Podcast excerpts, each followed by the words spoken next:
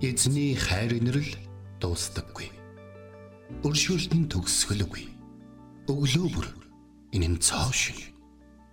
Таны ихтгэлт байдал юутай аавгаавэ. Хермоны шүүдэр өглөөний хөтөлбөр эхэлж байна.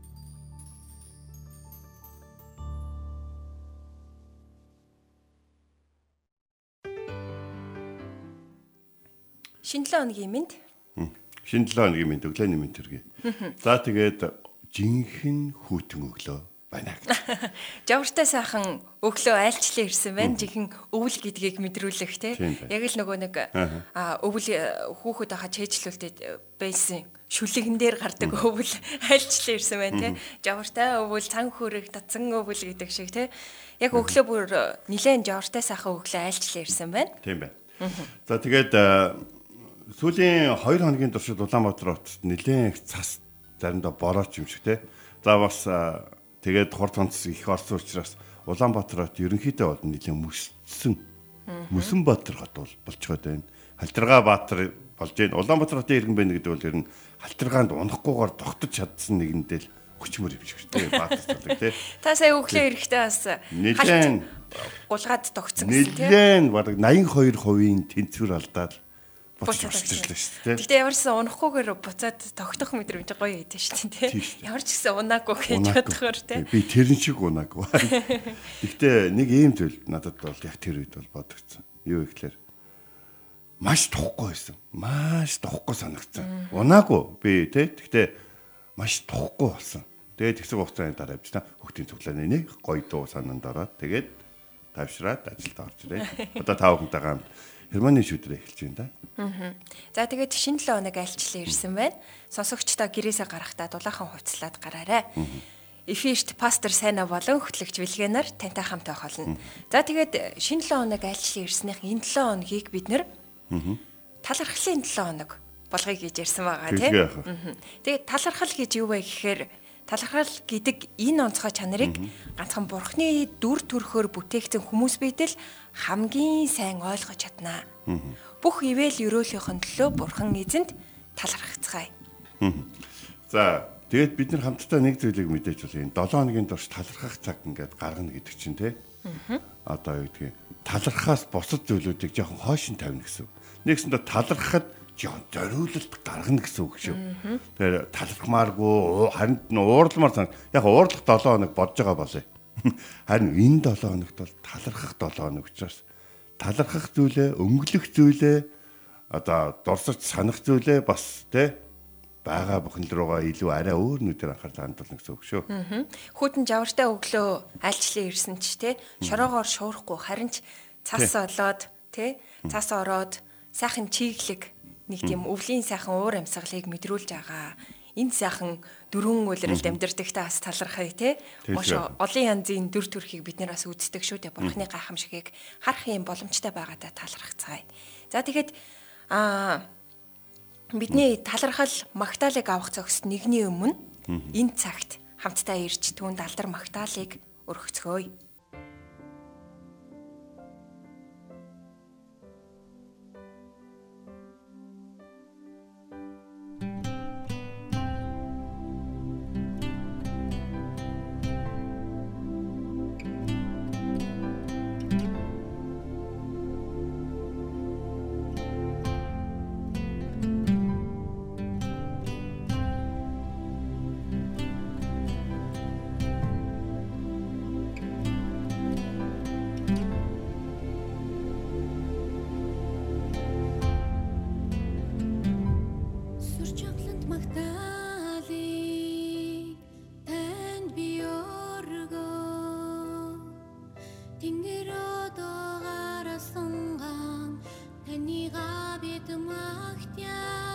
Шотланд магтаалыг танд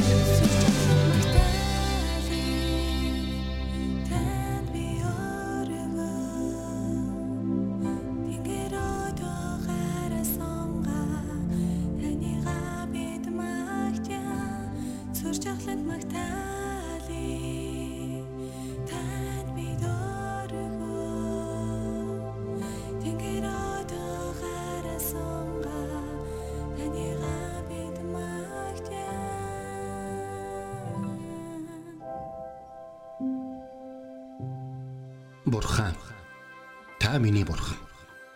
Би таныг эртлэн хайхвалаа. Усгүй хоорой ангамл газарт сэтгэл минь танаар сангаж би махбат минь таныг хүсн тимүүлж байна. Дуурал 63-ийн 1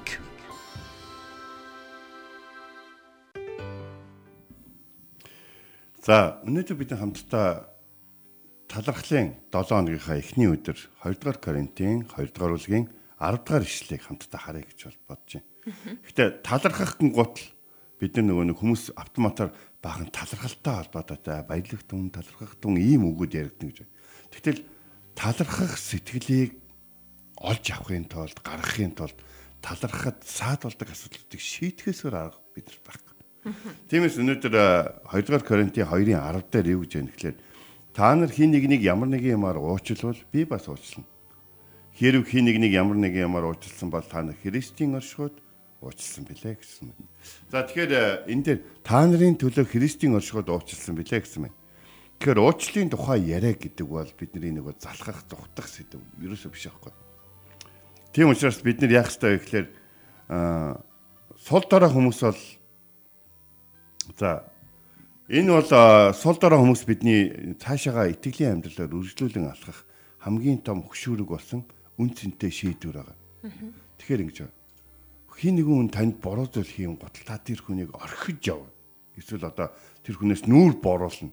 Эсвэл тэр хүнийг тэр нэг юм хүнийг гомдоодаг, хүнд ингээ муу юм хийдэг тэнд нь орхиж явна гэдэг нь сайн алхам биш.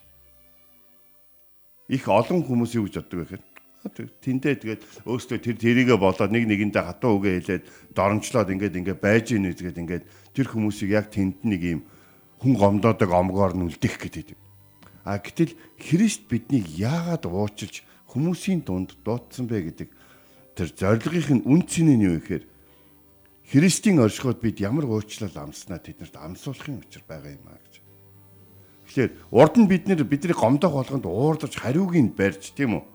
Бид нар боломж олдох юм бол тэр хүнийг баг гомдоож те эсвэл хариу эсрэг дайралт өгдөг байжгаад өгөхөө болж байна. Эхний алхам мэдээж өгөхөө болж байна. Хоёрдугаар алхам бол юу гэхээр чи хүн гомдоож ийн гэдгийг хэлнэ. Гуравдугаар алхам нь юу гэхээр бид тэр хүний хариу гомдоохын оронд тэр хүн сайн сайхныг чи уг нь ингэж амьдрах хэрэггүй дээ. Тэ? Би ингэж амьдрахаа болсон. Би чамайг тэглээгээд чам тийм хариу барихгүй. Тийм учраас би Есүс Христэд итгэсэн. Тийм учраас ингэж байгаа, ингэж байгаа, ингэж байгаа, ингэж байгаа. Намайг Есүс Христэд итгэж ингэснийг Христийн дагуу амьдралыг амьдрахыг хүсэж байгааг ингээд хамт ойлгож мэдэхгүй байх юм бол хойшид намайг энэ тал дээр ингээд оромжилсаар байх юм бол миний хувьд бол ингээд эхний ээлжинд бол чамтай харилцахад хэцүү л байх юм байна да гэдэг зүйлийг бид эхлээд хэлэх хэрэгтэй. Тэгэхээр хамгийн гол зүйл нь бид нэг юм зүйлийг бид ингээ амьдарч явахдаа олон хүнийг өөрөөсөө уучлалгүйхийг хүлээдэг нь Христ итгэлийн амьдралын хамгийн хүнд ачаа нарын нэг байгаа. Тэгэхээр уучлал гуйгаагүй хүмүүс байдаг уу гэдээ асуух юм бол хүн болгонд байдаг. Тийм шүү дээ нэг нэг юм баг. Бүр ингээд тэрийг ингээд а харахлаар л бүр ингээд дургу өрөөд уур хүрээд идэг байхгүй юу гэд. Тэгэхээр эзэн биднийг дуудах тэр өдөр уучлахгүй хүн нь бид нар яг өөрсдөө байдаг. Би тэр тэр хүмүүсийг чамаар дамжуулж авахыг хүссэн гэдэг. Өө тэр хүмүүсийг хүлээж авч уучлах гэдэг чинь миний амьдралын хамгийн хэцүү зүйл байлаа шүү дээ. За бараг л те а Есүст итгэхээс хэцүү зүйл байлаа шүү дээ гэх мэтлэн зарим хүмүүс баг ярих гэдэг. Тэгтэл бид өөрсдөө нэг өдөр нөлмсгүй, гониггүй, уур уцааргүй те сэтгэлийн шарахгүй, дэвэрч боцлох, дарж ингээд одоо юу гэдэг дотор хураасан зүйлгүй тийм газар руу бол явах болно. Харин үлдгэсэд шархалдаг, урам хугардаг, төсвөр дэвтэр шаардсан энэ дэлхий дээр үлдэнэ. Тэгээд тэд энэ нөхцлөөс энэ хүнд байдлаас чухам яаж гарах вэ гэдгийг мэдэхгүй үлдэх болно. Яг л харин тэр яаж гарах вэ гэдгийг нь Христэд итгэсэн бид нар мэдж байгаа юм байж тэр хүмүүст тэр өөрсдийнхөө амсаад байгаа сайн сайхан зүйлүүдийг амсах боломжийг өгөхгүй байгаа нь бидний хувьд бол маш хэцүү зүйл болно. Харин бид өгч чадах юм бол тэдний хувьд бурхан талархах шалтгаан нь бидний итгэлийн үржим суюу бидний бусдыг уучилж бусдад үйлчилсэн зүрх сэтгэл. Байх бол. Анх би архины хамааралтай хүмүүсийг годомчин тавьчихыг хараад уур хүрддэг. Тэгээд би тэдний хажуугаар ингээл явж байхдаа ийм өвлийн ялангуяа ийм хүүтэн өдөр өдөр те ахаа махаа гэл ингээл юм асуухлаар нь би хараач ээ гээл те тэгтэл тэдний ихэнх нь харих нөөргүү харих гэргүү гэдгийг би нилээн хугацааны дараа үйлчилж амьдарч нилээн бас одоо юу гэдэг ах болж эхэлсэнийхаа дараа ойлгож эхэлсэн байна. Тэгээ тийм учраас эргээд тэднэрт ямар нэгэн бүлээн юм дөхүүлж өгөх юм уу те эсвэл одоо юу гэдгийг ойрхон юунаас нэг мантун бооц ч юм нэг хоёр хуушур ч юм уу тийм зүйл дөхүүлж өгөх байдлаар арай хариу үйлдэл үзүүлдэг гэсэн гэж. Тэгэхээр надад ингэж хэцүү байна уу? Надад хүнийг уучлахад хэцүү байна гэж хэлэнгут бид нар марта март март хай тийм үст яг тэр чигээрээ байдаг байхгүй чи зүгээр өөрөө л хохирно хай гэж хэлэх нь бол тийм зөв юу бол биш арга зам. Тиймээс бид бидний гимшгэд уучилж өөрөөсөө болон бусдаас уучлах хүч чадал өгсөн Христ итгэл ахтуус болно.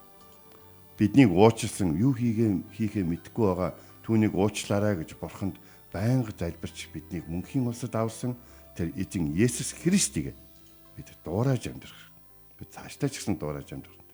Миний хувьд Библиэлд бичээгүй боловч болсон явдлууд олон нэг боддог. За тэр бол жишээ нь юу гэхээр Паул Марк хоёр эргээд яаж болцсон бол те. Паул Паул Маркийг хараад овооштой чи буцаад Христийн зам дээр ирсэн үү гэж тэгээд тийм байдлаас уулцсан болоо эсвэл Маркийг Паул хараад уучлаарай би тэр үед чамд боломж олох ёстой байсан болов. Эсвэл эзэн чи бит хоёрыг салгаад бит хоёрыг достон юм өөрүүлээд хэсэг хугацааны дараа уулзахад бит хоёр бие биенийгээ ингэж хайрлах, ингэж Христийн төлөө хамтрах хүмүүс болох ёстой байсан болов. Ямар таа ч гэсэн тэр уулзалтын өдөр уучлахгүй хүн нь Паул байсан гэж миний хувьд бол байгаа. Тэгэхээр бид ч гэсэн Христэд итгэлийн үед яг тэр салж бусдаас нүүр буруулах бусдыг орхих тэр өдөр таны зүв гэж бүх хүмүүс хэлсэн ч гэсэн эргээд уулзах тэр өдөр эзэн Есүс таны зүр сэтгэлд чиний буруу байсан гэж хэлэх тийм мэдрэмжийг тийм зүйлийг эзэн бидэнд ойлгуулж болох юм оршихов. За энд оршихуй Христийн та нарын төлөө та нарыг уучлсан нь Христийн оршихуйд уучлсан гэж. Тэгэхээр Паул Коринт хотын дээр би та нарыг уучлсан Христийн оршихуйд уучлсан байхгүй юу гэж. Тэгэхээр та нарыг уучлахад ямар хэцүү хүмүүс вэ гэдгийг та нар өөрсдөө мэдж байгаа гэж бол хэлж байгаа. Тэгэхээр эндээс яг юу гэж хэлэх вэ гэхээр Каин дүү Абелийг алсныхаа дараа эзний оршихуйгаас явдаг байхгүй. эзэн дүүгээ алсныхын хариу түүнийг алаагүй байхгүй. Тэр ч утгаа эзэн түүнийг Каин Абелийг алсан гэдгийг мэдсэн хин нэгэн хүн таарлаа түүнийг алах вэ гэсэндэ энэ хүнд гар хүрээд үдээрээ гэд бүр тэмдэг тавьсан. Тэгэхээр бид бурхны уучлалыг шийтгэл байдлаар юусаа хүлээж авч болохгүй.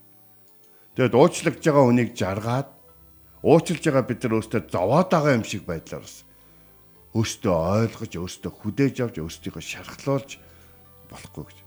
Бусдыг уучлж, бусдыг өрөөж, бусдад зориулж амьдарч байгаа хүмүүс эзэн Есүс Христийн мэлмий доор амьдарч байгаа учраас хохирч яваа амьдрал биш. Харин эвээгдэж, өрөөгдөж байгаа амьдрал шүү. Яг тэр үед уучлж байгаа хүнд нь хэцүү байх боловч уучлалыг амсан хүний үр хөвгтөд нь ямар байх вэ? Уучлалыг амсан тэр удам хоошоогоо ямархуу байх вэ? Ууч хин нэгнийг уучлж байгааг харсан тэр гэрчнэр ямар байдлаар амьдралдаа хандах вэ гэдг нь гайхалтай Христийн оршихуй байхгүй. Чухам энийг л Христийн оршихуй гэж яг үндэ Бурхан руу бусдыг авчирж байгаа Бурханы оршихуй. Бурханыхаар хүмүүс хийж ямар нэгэн зүйлийг хийж байгаа тэр оршихуйг л хилээд байгаа. Мэдээж бол уучлах сонголт бол тэ энэ бол хүний амьдралын дахиж хохирсоор нэг асуудлаар дахин хохирсоор байхгүй тулд хийж байгаа маш том шийдвэр байгаа. Таныг гомдоосон хүн тэр үед гомдоосон таныг те. Харин тэрнээс хойш тэр хүн дахин дахин давтан давтан таныг гомдоогоод байгаа бол хэцүү. Гэхдээ тэр үед л нэг гомдоогоод гомдоосноо ч мэдгүй эсвэл уушлалч гоохгүй явж байгаа тэр хүнээс хойш хойш та гомдоол гомдоол гомдоол гомдоол дахин дахин ингэж яваад ах юм бол тэрний юу гэхээр та нэг удаагийн зүйлээс олж амьдралынхаа ирээдүйн олон зүйлүүдийг үгүй хийж ийнэ гэсэн бол болж байгаа. Олон давтамжтайгаар хүний гомдоод хүмүүсийн зарим нь муу туршилттай хүмүүс бол байдаг л да шинэ үгдгийн архины хамааралтай юм уу? Эсвэл одоо юу гэдгийг те бусдад муухай үг хэлдэг. Тэгээ тэрийг юм боддгоо. А тэгвэл нэгэн л тийм зөвцөл байдалтай хэрвээ та хамт байгаа бол та Христийн дотор өөрийгөө чөлөөлөх уучлах сонголтыг хийгээрэй. Тэгээд та урдын олон зүйлүүдийг нэмж ш. Өдөр өдөрт нь өдөр бүрийн далахыг бидэнд өгөөрэй гэж хэлэхдээ эзэм нь өнөөдөр би уучлалын далахыг бас идэх ёстой шүү. Орцонд нь оруулж, порцонд нь оруулж надад өгөөрэй гэж хэлэх хэрэгтэй гэсэн.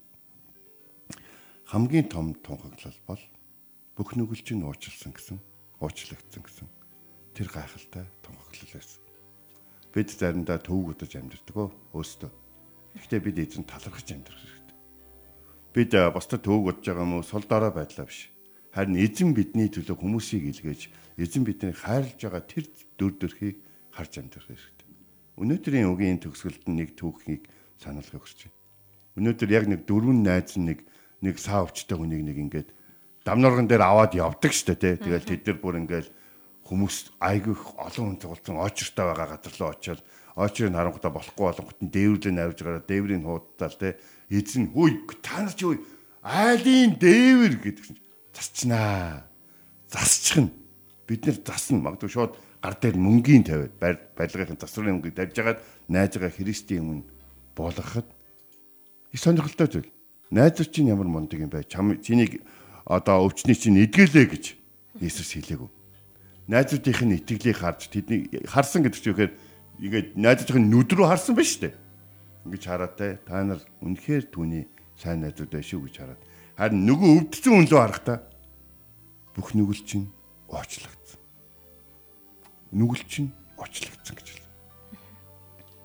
Тэр хүн хин нэгэн хүн муу асарсан учраас өвдөг юм байна.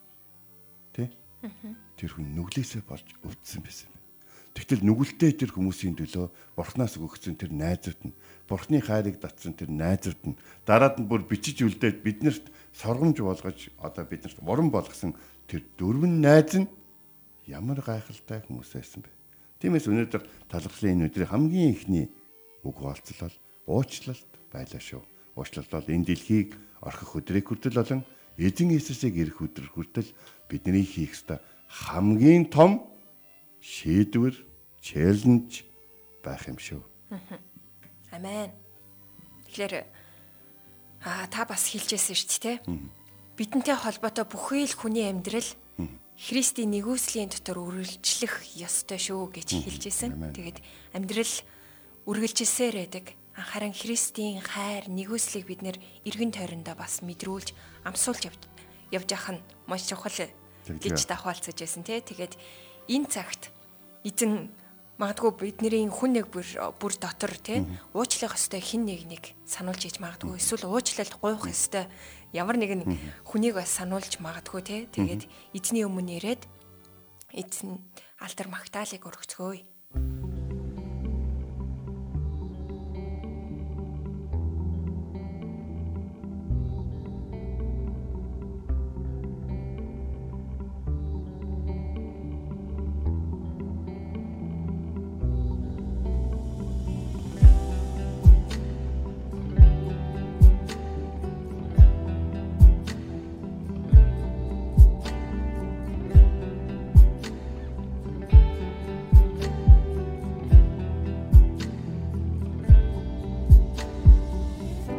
Өглөөсөрөө хүчээр шалтгаанаад би. Мөрөөдлөд минь биелдэг тань зориулсан амьдрал. Би нэгэн шийдсэн. Гайхамшигар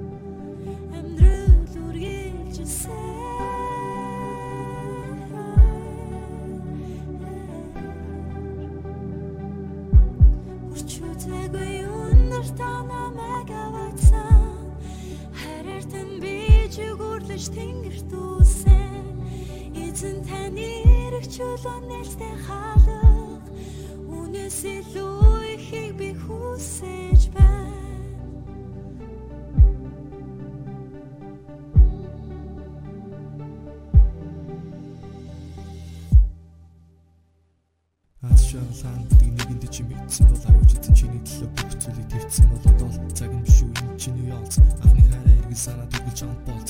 Бат итгэл байгаа учраас ханхахгүй мөн хийсний оршууд би ханахгүй би айхгүй сайгүй зарцайгүй явж түүний гэрчлээ гайгүй. Оо гайгүй найдвар гэж юу вэ? Хүсэл гэж юу вэ? Хинч чамаа залуу хэмээн дурд бүгд чиний өмнө эзэн байна бүү эргэлз түүний өгсөн амлтуудад бүгдийн гэлз үг зам байтал хайр төвчээр өнөр дүрэл болон алах үнэнчээр амьдралын утга учрыг олгосон алдаг даун тулдаг болгосон би өгсөн зүг сэтгэл хүч шалгалын ухаан. Бүхлээрээ түүний учраас тэр миний хаа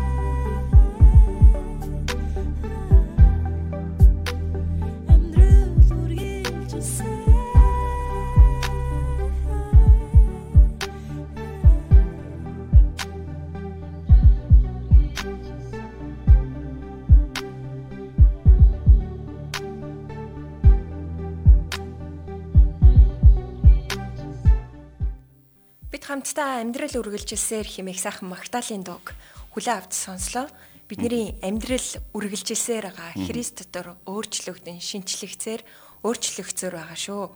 Тэгээд бидэнтэй холбоотой бүхий л хүний амьдрал Христийн нэгүслийн дотор үргэлжлэх ёстой шүү гэдэг үгийг дахин сануулъя тий. Тэгээд энэ 7 хоногийг бид нэр талархах талархлын 7 хоног болгож байгаа. Тэгээд талархал гингөөтэй уучлалын талаар ярьсан тий. Яагаад уучлал чухал вэ гэхлээр эхлээд бид нэр зүрх сэтгэлээ талархах сэтгэлтэй байхын тулд уучлах тэр зүрх сэтгэллийг нин тэргүүнд байлгах нь чухал юм а гэдгийг өнөөдөр бид нэр суралцлаа. Тэгээ шинэ гэрээн дээр гардаг уучлал гэсэн грек үгийн утга нь бууж өгөх, орхих гэсэн утгатай үг гэдэм байна. Уучлал гэдэг үг нь та өөрийг чинь хохироосон хин нэгнийг хариу хохирох эрхээсээ татгалзна гэсэн үг юм а. Хин нэгнийг жинхнээсээ уучлна гэдэг нь тухайн зүйлийг тэр чигт нь хойш тавьж тэр зүйлийг дахиж сөхөхгүй гэсэн үг. Бид бусдыг уучлахдаа Бурхан биднийг уучлсан шиг уучлах ёстой гэдгийг өнөөдөр бид нэр асуралцлаа тий. Тэгээ өнөөдрийн үг бол 20 дугаар Коринт номын 2 дугаар бүлгийн 10 дугаар ишлэлээсэн. Та нар хин нэгнийг ямар нэг юмар нь уучлвал би бас уучлана. Хэрв би хин нэгнийг ямар нэг юмар нь уучлсан бол та нарын төлөө Христийн оршихуйд уучлсан билээ хэмээх хичлэл байлаа. Нэг э, уучлалын түүхийг яриад залбирая. За тэр бол эгчтэй хоёр надтай уулзсан. Тэгээд уулзаад ингээд ярьсан чинь тэгж хэлсэн. Манай эгчтэй намайг дандаа уучлаад ингэсэн учраас би үдээ зэрэгтэй ингээд явсан эдэргээл ингээд хоёулаа хамт болж штэ. Ярьж исэн чинь эгчийнх нь нүд тийм биш байсан. Тэгээд нөгөө хоёр чинь гэсэн нөгөө дүүн нилээ ингээд ярьж ирсэн. Гүүм үү? Үгүй юм уу гэдэг ингэсэн чинь нь уулцсан. Тэгэл ингээл би ч гэсэн эвгүй байдал орсон. Би чи нөгөө эргэтэй хүн штэ. Тэгээ нэг эмгтэй хүмүүс ингээд болох эмгтэй хүн ер нь нөлөөцөг нэртэй хүн харна гэсэн тийм амаргүй зүйл байхгүй ер нь бол. Тэгээд ингээд хэцүү байдлаараа та хоёр ингээд хэсэг ярилцах юм уу гэдгсэн чинь зүгээр чи миний дүү болохоор би ус юм аа. Тэгэхээс ихэнх нь хадгалагдсан, ихэнх нь ингээд хэцүү байсан. Тэгээд ингээд ерөнхийдөө бол чи миний дүү штэ. Тэгээ миний уучлахаас том зүйл нь чи надад байгаа ганц дүү гэсэн хайр байхгүй юу гэдэг Игч нь хэлсэн чинь би ч гэсэн сонир болоод явцсан. Тэгэхээр бид нар хүмүүсийг бас уучлаад байгаа гэд бас хүмүүсийг бас шархлуулаад байж болохгүй шүү гэдгийг л бас санах хэрэгтэй байна. За тэгээд хамт залбирая. Эгэд минь танд үнэхээр их талархаж байна. Та энэ дэлхий дээр уучлалыг бусдыг хүлээж авах талаар тунхаглаагүй бол ямар аимшигтай хатуу байх байсныг бидний хамгийн зөөлнө нь хүртэл ямар аимшигтай хатуу хатвархлыг үзүүлж болох байсныг энэ дэлхий дээр бүх хүмүүс миний эргэн тойрны бүх хүмүүс уучлагдаагүй явж гин гэж бодсон чи ямар аимшигтай болох байсныг яг бодоод бүр бодоод ч ойлгоод ойлгохыг ч хичээгээд чадахгүй юм шиг байна. Харин таны хайр байгаа учраас таны боломжууд таны одоо тэр хайрыг амссан хүмүүс байгаа учраас энэ дэлхийг гэрэл гээтэй байна. Эзэн минь ээ уучлах зүр сэтгэлийг тэр хүмүүсийн харилцааны урин дулаан байдлыг бас тэр эзэн таны хайр нэрлэр дүүрэн хүмүүс уучлалыг амтсан хүмүүсийг илүү олон болгоход оролцсон уучлсан нэгэн болоход туслаач. Энэ 7 хоногийн төлөө тань талархан ажил үйлсийнхаа төлөө гэр бүлийнхаа төлөө хайртай хүмүүсийнхаа төлөө талархан Есүсийн нэрээр залбирлаа. Амен. Энд хүрээд хермоны шүдэр өглөөний хөтөлбөр өндөрлөж байна. Бидэнтэй хамт байсан сонсогч танд баярлалаа. Маргааш эргээд энэ цагтаа уулзцгаая. Эзэн таныг харж хандах болтугай. Эзэн зүрхийг чинь бурхны хайр ба Христийн төвчөрт чиглүүлэх болтугай. Хермоны шүүдэр өглөөний хөтөлбөр танд хүрэлээ.